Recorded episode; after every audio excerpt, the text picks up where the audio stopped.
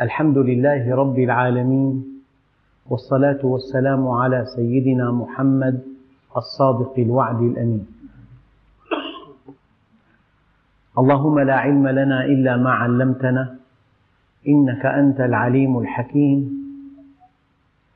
اللهم علمنا ما ينفعنا وانفعنا بما علمتنا وزدنا علما وأرنا الحق حقا وارزقنا اتباعه. وأرنا الباطل باطلا وارزقنا اجتنابه. واجعلنا ممن يستمعون القول فيتبعون أحسنه. وأدخلنا برحمتك في عبادك الصالحين. أيها الإخوة المؤمنون مع الدرس الثامن والخمسين من دروس سورة البقرة ومع الآية السابعة والسبعين بعد المئة وهي قوله تعالى ليس البر أن تولوا وجوهكم قبل المشرق والمغرب ولكن البر من آمن بالله واليوم الآخر والملائكة والكتاب والنبيين وآتى المال على حبه ذوي القربى واليتامى والمساكين وابن السبيل والسائلين وفي الرقاب وأقام الصلاة وآتى الزكاة والموفون بعهدهم إذا عاهدوا. والصابرين في البأساء والضراء وحين البأس أولئك الذين صدقوا وأولئك هم المتقون. أيها الإخوة الكرام سياق هذه الآية جاء بعد تحول القبلة من بيت المقدس إلى مكة المكرمة. وهذا التحول عند ضعاف الإيمان وعند المنافقين أحدث بلبلة لأن أهل الدنيا متعلقون بالأشكال متعلقون بالقشور. وتحويل القبلة القبلة لم يكلفهم شيئا. كانوا يصلون إلى هذه الجهة فصاروا إلى هذه الجهة. ومع ذلك أحدثوا فتنة وبلبلة واضطرابا فالله عز وجل رد عليهم فقال ليس البر أن تولوا وجوهكم قبل المشرق والمغرب. ولكن البر كذا وكذا. قبل أن أشرح هذه الآية لا بد من وقفة متأنية. في كل شيء جوهر وعرض. يعني كمثل أضعه بين أيديكم المركبة. فيها شيء أساسي جدا المحرك. العجلات الوقود المقود. فيها أشياء حاجية فيها أشياء تحسينية فيها أشياء كمالية فيها أشياء تزيينية. فلو اهتممنا بالتزيينيات وتركنا الأساسيات لكان هناك خلل كبير. لا بد من أن تقوم هذه المركبة على كل ذلك. الأكمل أن يكون فيها أشياء أساسية وأشياء حاجية وأشياء تحسينية وأشياء كمالية وأشياء تزيينية. أما أن نضحي بالأساسيات من أجل التزيينيات هذا ضعف في العقل وسوء فهم لمهمة هذه المركبة. يعني هذا مثل. الدين أساسه الإيمان بالله. أساسه صحة العقيدة. أساسه الاستقامة على أمر الله. أساسه العمل الصالح. أساسه التخلق بالأخلاق الإسلامية. أساسه أن تحمل هم المسلمين. أساسه أن تنهض بالمجتمع الإسلامي إلى ما يحب الله ويرضى. وفي شكليات كثيرة جدا قد يختلف المسلمون على درجة القبلة. في أمريكا انشق المسلمون صفين.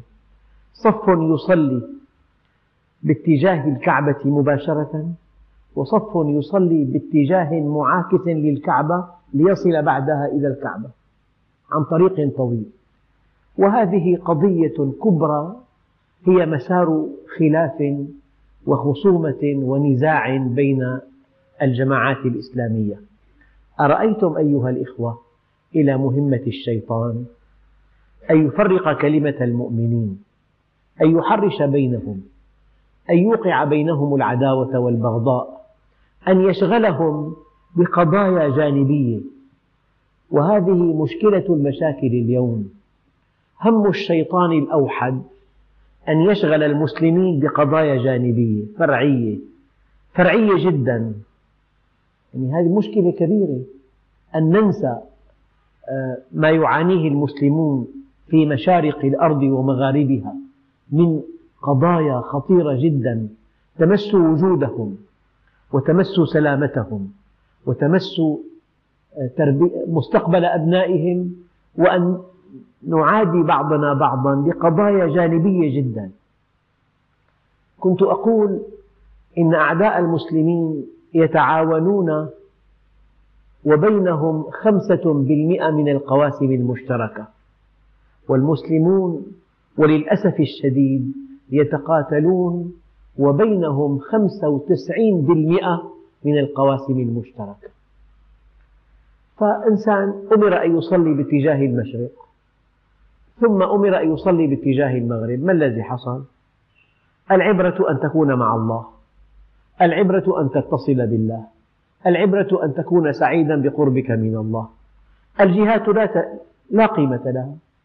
فليس البر والآية الكريمة يعني من بلاغة القرآن الكريم أن البر شيء معنوي صار مجسد في هذه الآية. له كيان. البر الذي تبحثون عنه البر الذي يسعدكم البر الذي يرفع منكم ليس أن تختلفوا في جهة القبلة. لا قد يأتي أناس ويقولون هذا المسجد أو أي مسجد آخر لا تصح الصلاة فيه لأنه في انحراف عن قبلة الدرجات. المذاهب الفقهية واسعة جدا. يعني من أوجه المذاهب الفقهية في هذا الموضوع أن الجهة القبلة جهة وليست نقطة.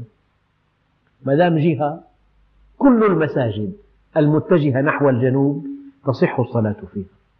أما إذا نقطة بدنا علماء رياضيات يقيسوا الزوايا ودخلنا في متاهات لا تنتهي. فكأن الله عز وجل لا يريدنا أن ندخل في التفاصيل المملة والتفاصيل المخلة والتفاصيل التي تبعدنا عن بعضنا بعضا. يريد الله عز وجل منا جوهر الدين أصوله يريد دعائمه وأركانه. وإذا أتبعنا هذه الدعائم والأركان بالتفاصيل الدقيقة المتفق عليها. هذا جيد جدا. فالله عز وجل يرد على هؤلاء الذين أحدثوا بلبلة واضطرابا في شأن تحول القبلة من بيت المقدس إلى الكعبة المشرفة. يقول ليس البر أن تولوا وجوهكم قبل المشرق والمغرب ولكن البر من آمن بالله. ودائما في أناس يعني يتمسكون بالتفاصيل والقشور وتفاصيل التفاصيل وينسون الأصل. فربما أقاموا النكير لعدد درجات المنبر. عدد درجات. أربع درجات ما بيجوز ثلاثة بالسنة. ندخل بمتاهات لا تنتهي. يعني واحد فيما قرأت رجل يعني أسلم حديثا في مصر. وأراد أن يتعلم على يد شيخ من شيوخ الأزهر. بدأ بكتب الفقه بالتسلسل. بدأ بأحكام المياه أبقاه ستة أشهر في أحكام المياه وفي أشياء يعني ربما في وقتها كان لها يعني مهمة كبيرة جدا. يعني المياه حكم الوضوء بمياه الآبار وبمياه المجاري السطحية. والبركة الراكدة وكم قل البركة وحكم الوضوء بماء الحمص وماء العدس يعني فهذا بعد ست أشهر خرج من جلده وترك هذا الشيخ وترك الإسلام كله. التقى مع أحد علماء مصر الكبار قال له الماء الذي تشربه توضأ منه. فألغى له ستة أشهر تفاصيل يعني قد لا نحتاجها. قد يحتاجها الاختصاصيون. قد يحتاجها المتعمقون بالفقه. أما طالب علم يريد أن يعرف الله ينبغي ألا تغرقه في تفاصيل لسنا الآن بحاجة إليها. هناك موضوعات كثيرة لسنا بحاجة إليها. يعني إنسان وقف على المنبر هنا في الشام وقال إذا أعطيت إنسانا مئة ليرة ليصرفها لك أربع خمسة وعشرينات فقد أكلت الربا. الحضور ضجوا هذا هو الربا. إذا إنسان صرف مئة ليرة أربع خمسة عشرينات أنه قال له سواء بسواء ويدا بيد. فأنت أعطيته قطعة واحدة أعطاك أربعة. هذا صار في ربا, الفضل. فقام رجل من المصلين قال له أسكت يا جاهل وهو بين المصلين. أربع خمسة عشرينات يساوي مية هي سواء بسواء. فأيام الإنسان بفوت بتفاصيل بفوت بإشكالات بقضايا فرعية جدا وينسى الأصل وينسى جوهر الدين وينسى أصل الدين. على كل ليس البر الذي يريده الله عز وجل. ليس البر الذي يقربكم إلى الله عز وجل أن ندخل في خصومات وفي آه، يعني مشاحنات حول قضايا فرعية جدا من الدين. ليس البر أن تولوا وجوهكم قبل المشرق والمغرب. الإنسان يقول لك أحيانا في بالفاتحة أربعة عشر شدة إن لم تأتي بها جميعا فالصلاة باطلة. أنت حجرت واسعا. حملت الإنسان ما لا يطيق. حملته على أن يزهد في صلاته. حملته على أن يترك الصلاة. إذا قلت له لا بد من أربعة عشر شدة يجب أن تأتي بها. إن أتيت بها هذا أكمل شيء طبعا. لكن لا تكفر الناس. مرة دخل أخ الجامع قال كل إنسان ما في على رأسه طاقية فصلاته باطلة. أنا كان في رأسي طاقية الحمد لله. بهالبساطة هذه هكذا بهذه البساطة. هذا الذي يجعل من الفرع أصلا ومن الشيء الهامشي جوهرا ومن قضية فرعية جدا جزعا. هذا إنسان يحتاج إلى مزيد من الفقه. بل إنه يعني ما ظهر بما يسمى بفقه الأولويات. يعني فإنهم أطاعوك لذلك لقنهم أنه لا إله إلا الله يا معاذ لأهل اليمن وأن محمد رسول الله. فإن هم أجابوك لذلك فأبلغهم أن الله فرض عليهم خمس صلوات. فإن أجابوك إلى ذلك فقل لهم أمر الصيام ثم أمر الزكاة ثم أمر الحج هكذا. يعني أنا أريد ما يعانيه المسلمون اليوم من مشكلات خطيرة أساسها التمسك حتى القتال أو حتى الخصوم الفاجرة أو حتى الصدام بقضايا هامشية جدا وفرعية لا تقدم ولا تؤخر ثم إهمال جوهر الدين. يعني مثلا هذا الذي يحرص كي يقبل الحجر على أن يدفع رجلا ويركل رجلا ويدفع صدر رجل ويزيح رجل. آذى سبع أشخاص إيذاء شديد ليقبل الحجر الأسود. هل هذا فقيه؟ لا والله. والله هناك من من يأتيه أذى لا لا يوصف من إنسان في أثناء الحج وفي مكان تقبيل الحجر الأسود. هذا الذي يضحي بفرائض من أجل سنن لا يملك فقه الأولويات. نحن بحاجة إلى أن نعرف أصل الدين وجوهر الدين وأركان الدين والقصد العام من الدين وأن نعرف آه، الأساسيات والحاجيات والتحسينات والكماليات والتزيينات. هكذا. فليس البر أن تولوا وجوهكم قبل المشرق والمغرب ولكن البر ولكن الذي يجعلك بارا الذي يجعلك إنسانا كاملا الذي يجعلك إنسانا في مرضاة الله الذي يجعلك إنسانا يحقق الهدف من وجوده أن تفعل كذا وكذا. يعني بجوز تعطر إنسان عطر غير زيتي يخرج من جلده. وقد يسهر ليتابع بعض المسلسلات حتى الساعة الواحدة ليلا. إذا عطرته عطر غير زيتي لك هذا نجس. جيد. الأولى أن تتعطر بعطر زيتي. أما هذه الجلسة حتى الساعة الواحدة وأنت تتابع مشاهد فاضحة أي ما في شيء عليها تلاقي بحاسبك على سمسمة بين أسنانه في رمضان ويأكل مئات الألوف اغتصابا واحتيالا وعدوانا. الشخصية المهزوزة هذه التي تتمسك بتفاصيل دقيقة جدا وتنسى أصول الدين هذه شخصية مرفوضة وهذه شخصية لا يحبها الله عز وجل. سددوا وقاربوا أنا هذا الكلام إياكم أن تفهموا من هذا الكلام أن تتساهلوا بتفاصيل الدين. أبدا أنا ما قصدت هذا ولكن قصدت أن تنسى أصل الدين أن تنسى جوهر الدين أن تنسى المنطلقات الكبرى للدين مقاصد الدين وأن تتابع التفاصيل على حساب الأصول. يعني يعني لو فرضنا المحرك جيد والعجلات ممتازة والمقود حساس والوقود ممتلئ وكل شيء جيد وحسنت منظر المركبة. ما في مانع. أفضل كانت نظيفة ومزينة ومرتبة. أما تعتني بزينتها والمحرك محروق تعتني بزينتها وفيها خطر يعني قد يقضي على ركابها هذا الذي أريده.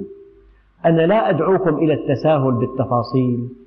هذا الدين منهج تفصيلي كامل ولكن أدعوكم إلى ألا تقيموا وزن التفاصيل على حساب أصول الدين.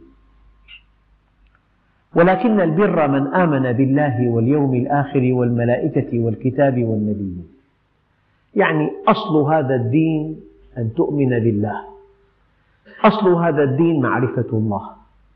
أصل هذا الدين أن يمتلئ قلبك تعظيما لله أن تؤمن به موجودا وأن تؤمن به واحدا وأن تؤمن به كاملا أن تؤمن به فعالا إلها في الأرض وفي السماء أن تؤمن أن الأمر كله بيده أن تؤمن أن النفع والضر بيده وحده أن تؤمن أنه مصدر الكمال والجمال والنوال. أن تؤمن أن المصير إليه أن تعرفه. أن تعرفه معرفة دقيقة تفصيلية كاملة مستوفية. حتى أن تكون هذه المعرفة أو حتى تكون هذه المعرفة دافعا لك لطاعته. يا أخوان معرفتك بالله إن لم تحملك على طاعته لا قيمة لها كما عرف إبليس أن الله خالق ربي خلقتني من نار وخلقته من طين وأن الله عزيز ربي فبعزتك وأن الله رب ربي وأنظرني إلى يوم يبعثون آمن بالله خالقا وربا وعزيزا وآمن باليوم الآخر وكل هذا الإيمان جعله يستنكف أن يسجد لسيدنا آدم. أستكبرت أم كنت من العالين؟ قال خلقتني من نار وخلقته من طين. نعم. إذا هذه المعرفة التي لا تنتهي إلى طاعة معرفة إبليسية لا قيمة لها. مقياس معرفتك التي تحملك على طاعة الله. هذا مقياس المعرفة. فليس البر أن تتعلق بشكليات الدين وأصول الدين تهملها. ليس البر أن تتعلق بالتفاصيل وجذوع الدين تقطعها. ليس البر أن تقيم خصومة وشحناء وبغضاء في قضايا جانبية وأنت لست مطيعا لله عز وجل. يعني مرة قال لي أخ على الهاتف يعني أنا دخلنا في مناقشة عقيمة وبقينا حتى ساعة متأخرة كدنا نختصم حول تعريف صلاة التهجد وصلاة قيام الليل. أي, أي صلاة هي قيام الليل وأي صلاة هي التهجد أنا ما أجبته. قلت له قم صلي ركعتين لله. وقل يا رب هاتان الركعتان صليتهما في سبيلك وتقربا إليك وأنا لا أعرف ماذا تسميهما. يا رب سميها ما شئت. قم صلي بس. قم فصلي. يعني إذا كان ابن سأل والده أنا إن أردت أن أدرس يا أبتي كم تحب أن يكون بعد الكتاب عن طرف الطاولة؟ كم سنتيمتر؟ قال له خمسة سنتي. وكم تحب أن تكون زاوية الكتاب؟ قال له ثلاثين درجة. جاب منقلة وكم تحب أن يكون حرف الكتاب بعيدا عن حرف الطاولة الأيمن؟ وحرف الكتاب الأيسر عن حرف الطاولة الأيسر؟ قال له دروس وخلصني بقى. اقرأ. بده يدرس روح وقته كله بالمسافات والقياسات. افتح الكتاب واقرأ وأنت مضطجع افتح كتاب واقرأ وأنت تمشي. افتح كتاب واقرأ وأنت جالس في غرفة انتظار. العبرة أن تقرأ. آتيكم بأمثلة. بلاغ منع تجول. يمنع التجول تحت طائلة إطلاق الرصاص. انتبه للحروف والخط والحبر والورق والتوقيع والختم. بس ما انتبه لمضمون الكتاب. أهم شيء بهالبلاغ مضمونه. أهم شيء في الكتاب هذا الكتاب المعلق أن تقرأه وأن تدخل البيت. أما أن تقف وتنسى مضمونه وتتابع تفاصيل تفاصيل مملة حول نوع الخط وحول الحبر وحول التوقيع وحول الختم وحول هذا الذي وقع فيه المسلمون اليوم.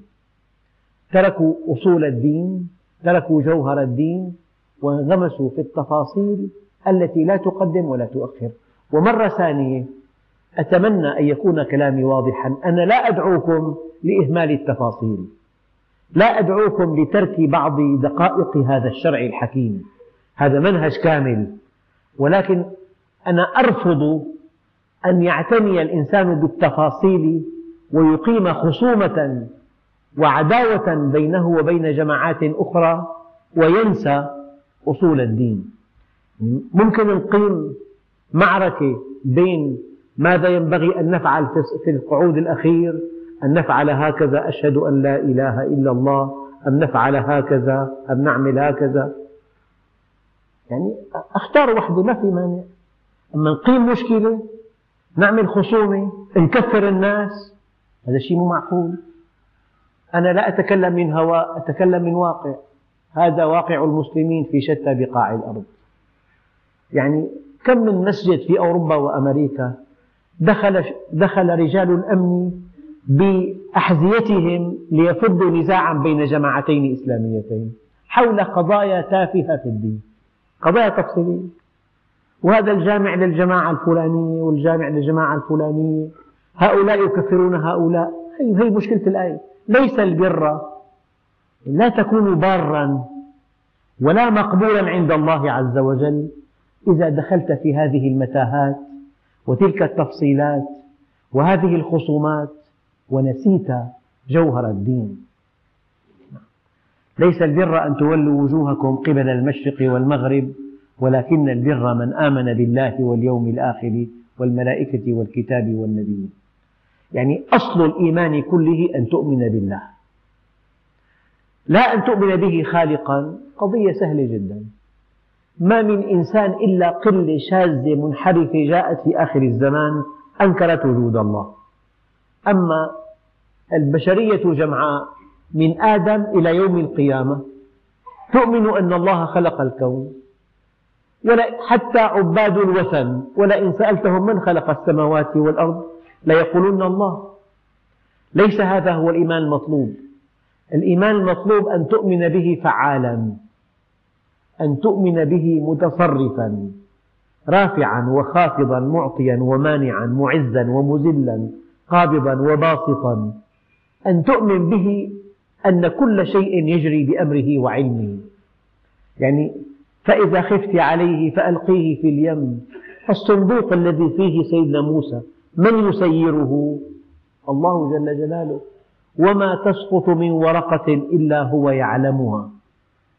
الله عز وجل كل شيء بيده حتى التفاصيل الدقيقة جدا. يعني في أقل من سقوط ورقة في الخريف إلا هو يعلمها. فصحتك وأجهزتك وأعضائك وقلبك ورئتيك وكل الأجهزة والأنسجة والخلايا تعمل بأمر الله. وزوجتك وأولادك وعملك ورزقك ومن فوقك ومن تحتك ومن حولك كلهم بيد الله عز وجل. أن تؤمن به خالقا ومسيرا ومربيا. أن تؤمن به واحدا وكاملا وموجودا. أن تؤمن بأسمائه الحسنى كلها. اسم اسم. هو السميع والبصير والعليم والقدير والغني والودود والمقيت والقابض والباسط والخافض والرافع والمعز والمذل والرحمن والرحيم والقيوم والحي مالك الملك ذو الجلال والإكرام. هكذا. لابد في إنسان يأخذ شهادة عليا ما دخل مدرسة؟ في إنسان يأخذ شهادة عليا بخمس دقائق. هيك بكلمة قالها أخواننا الكرام لماذا أمر الدنيا واضح جدا؟ في إنسان يقول لك أنا دكتور وأمي هو. مستحيل. في إنسان أخذ دكتوراه بيومين لما ب 33 سنة. في إنسان بصير عالم ما دخل مدرسة إطلاقا. يعني كيف بدك تقول أنا مؤمن ومحصل وأنت ما لك ولا درس علم تحضره ما لك ولا أستاذ تتعلم منه مستحيل هذا الكلام. فأن تؤمن بالله البر أن تؤمن بالله. يعني الحبرة العبرة أن تتحدث عن الله ساعات طويلة مما عقلت عنه. عندك إمكان تحدثنا عن عن الله عز وجل عن أسماءه الحسنى وصفاته الفضلى وعن أفعاله وعن قرآنه وعن كلامه. هيك حديث طويل واضح. معناه أنت مؤمن. تلاقي بأمور الدنيا الإنسان طليق جدا فإذا جاء لأمر الآخرة لا يعلم شيئا. هذا من معرفته بالصحابة تربى على عنتر. ما له عرفان حسب عنتر صحابي تربى عليه. يتقن أشياء كثيرة جدا أما أشياء أساسية في الدين لا يعلمها أبدا. ولكن البر من آمن بالله. الإيمان بالله بده وقت يحتاج لوقت. إمتى جلست وفكرت في هالكون؟ متى جلست وقرأت شيء عن عظمة الله عز وجل؟ متى فرغت من وقتك درس علم تحضره وتعلم؟ ولكن البر من آمن بالله. بعدين الإيمان بالله من لوازمه أن تؤمن باليوم الآخر. أنقل لكم هذه الحقيقة. مستحيل وألف مستحيل أن تستقيم إن لم تؤمن بأن هناك يوما سوف تقف به بين يدي الله عز وجل وسوف تحاسب عن كل كلمة وعن كل حركة وكل سكنة وكل درهم كيف اكتسبته وكيف أنفقته. هكذا. الإيمان باليوم الآخر بيردع الناس. لا يمكن تستقيم حياتنا إن لم نؤمن باليوم الآخر. في من فوق الخمسة عشرين ألف دعوة كلها كيدية. اغتصاب أموال اغتصاب أراضي اغتصاب بيوت أشياء مزورة أشياء غير صحيحة. كل هؤلاء الذين يفعلون هذا ما ذاقوا طعم الإيمان. مستحيل أن تؤمن بالله وأن تأخذ ما ليس لك. أيها الإخوة موضوع مهم جدا جاء مكانه في هذه الآيات. الإيمان أربع أنواع. نوع حسي ونوع عقلي ونوع إخباري ونوع إشراقي. الإيمان الحسي أن تدرك الشيء بحواسك الخمس أن تدرك وزنه بأن تحمله لونه بأن تنظر إليه سطحه أملس أم خشن بأن تلمسه رائحته إن كان له رائحة هذه معرفة حسية. الأشياء نعرفها بحواسنا الخمس نعرف أشكالها وألوانها وأوزانها ورائحتها. هي ما فيها خلاف. ونحن وغيرنا من بقية الحيوانات سواء. بل إن بعض الحيوانات متفوقة جدا في بعض الحواس. فالصقر فالصقر يرى ثمانية أضعاف الإنسان. والحمار الذي يحتقره الناس هو المخلوق الأول الذي يعرف الزلزال قبل وقوعه بربع ساعة. لذلك وضعوا حمار في تركيا بالسجن بتهمة كتم معلومات.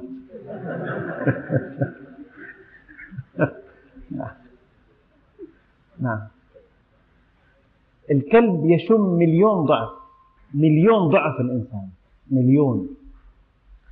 في طيور تطير 125 ألف 125 كيلومتر بالساعة. طيور تطير. موضوع طويل. ما من حيوان إلا وهو متفوق على الإنسان في بعض الخصائص. دعوكم من هذا المعرفة الأساسية هي المعرفة العقلية. المعرفة العقلية شيء غابت عينه وبقيت آثاره. طريق المعرفة به عن طريق العقل. فالإيمان بالله ذات الله عز وجل لا تدركها الأبصار ولكن الكون كله يدل عليه. الكون كله يدل على الله. أسماء الله الحسنى وصفاته الفضلى متجسدة في هذا الكون. فالإيمان بالله أولا من خلال خلقه ومن خلال أفعاله ومن خلال يعني زلزال بتركيا وزلزال باليونان وزلزال بتايوان وإعصار شرد 2.5 مليون بأمريكا سرعته 225 كيلومتر لا يبقي ولا يذر وفيضانات بالسودان كل يومين في خبر معنى ذلك هي أفعال الله عز وجل. وإن من قرية إلا نحن مهلكوها أو معذبوها قبل يوم القيامة عذابا شديدا كان ذلك في الكتاب مسطورا. يعني قالوا يعني حرب البلقان رسالة إلى أوروبا. وقالوا زلزال تركيا رسالة من السماء إلى الأرض. رسالة. لأنه في مركز الزلزال مسجد لم يمس بأذى. بالمركز بإذنه وحوله أنقاض. وبالبرلمان التركي لأول مرة يقف رئيس المحكمة الدستورية العليا ليقول لأول مرة بتاريخ تركيا الحديث يقول نحن حاربنا الله ورسوله وحاربنا الحجاب وحارب واتفقنا مع اليهود ضد المسلمين. فعاقبنا الله عز وجل. لم يسبق بتاريخ تركيا الحديث أن يقال هذا الكلام في مجلس رسمي هناك فالله عز وجل يعرفنا بذاته من خلال الكون ويعرفنا بأفعاله من خلال أفعاله التي نراها. مسجد في مركز الزلزال لم يمس بأذى. وكل ما حوله أنقاض. رسالة هذه من الله إلى عباده. فالإيمان بالله يمكن أن تؤمن به من خلال خلقه ومن خلال أفعاله ومن خلال كلامه. ولكن البر من آمن بالله. هو الأصل. بس يجب أن تؤمن بالله أن تؤمن بالله إيمان يقيني. وعلامة يقيني يحملك على طاعته. فإن لم يحملك على طاعته فلا قيمة له. صار إيمان إبليسي وهذا حال معظم الناس. تلاقي بيحضر الصلاة يقول لك والله الإسلام عظيم. دين يا أخي دين دين الله هذا. لا في إسلام ببيته ولا بعمله ولا بتجارته ولا بحركاته ولا باحتفالاته ولا بمآسي. كله بدع وكله انحرافات. وهو يقول لك أنا مسلم. نعم. تعصي الإله وأنت تظهر حبه ذاك لعمري في القياس شنيع. لو كان حبك صادقا لأطعته. إن المحب لمن يحب يطيع فأول شيء الإيمان بالله. الآن بعد أن آمنت بالله. له كتاب الله عز وجل له كتاب.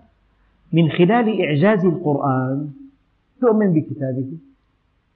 من جاء بهذا الكتاب المعجز؟ إنسان اسمه محمد عليه الصلاة والسلام. إذا هو رسوله. عن طريق العقل فقط. عن طريق العقل الذي هو مناط التكليف تؤمن بالله وبكتابه وبرسوله. انتهى دور العقل. الآن جاء دور النقل جاء دور الإيمان الإخباري. الله أخبرك في يوم آخر في صراط وفي جنة وفي نار وفي حساب وفي عذاب وفي حوض وفي برزخ. هي كلها إخبار من الله. أخبرك في ملائكة. أخبرك في جن. أخبرك آه، يوم القيامة لا نهاية له إلى أبد الآبدين. هذه كلها أشياء إخبارية. العقل لا يستطيع أن يعرفها بذاته. ولكن البر من آمن بالله عن طريق عقله. أفلا يعقلون؟ أفلا يذكرون؟ أفلا يتدبرون القرآن؟ والعقل مناط التكليف. بالله. واليوم الآخر إيمان إخباري. والملائكة إيمان إخباري. والكتاب إيمان تحقيقي عقلي. والنبيين إيمان تحقيقي عقلي. انتهى الإيمان. يجب أن تؤمن بالله بشكل مختصر. خالقا مربيا مسيرا. موجودا واحدا كاملا. أسماؤه حسنى مع التفاصيل وصفاته فضلة. وهو إله في الأرض وفي السماء وإليه يرجع الأمر كله. آمنت بالله. الإيمان بالله من كمال الله ألا يدع عباده من دون أمر ونهي. إذا أرسل كتب ومن كمال الله عز وجل ألا يظلم العباد. في بالدنيا تفاوت كبير. في غني وفقير وقوي وضعيف ووسيم ودميم وصحيح ومريض.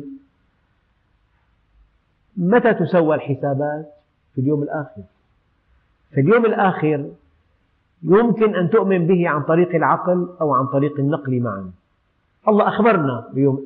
أما العقل لا يقبل. حياة العمر قصير قوى كبيرة قوى مستضعفة آه، عناصر قوية عناصر مستضعفة أغنياء فقراء أقوياء ضعفاء أصحاء مرضى تفاوت كبير جدا. ثم موت موت ينهي كل شيء. فإذا ما في يوم آخر الوضع غير مقبول أبدا وغير معقول. فيجب أن تؤمن بالله بعقلك وباليوم الآخر بعقلك وبالكتاب بعقلك وبالنبيين بعقلك. أما الملائكة بالنقل بالإخبار والملائكة والكتاب والنبيين لكن آمنت فإن لم تتحرك ما قيمة إيمانك. هذا بالدرس القادم إن شاء الله.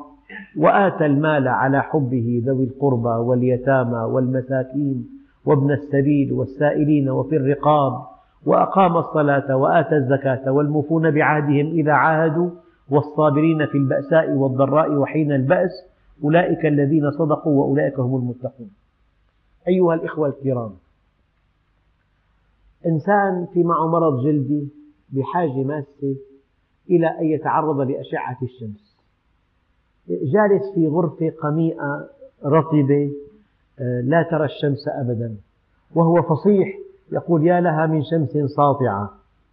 ما أجمل أشعة الشمس إنها أشعة كالذهب.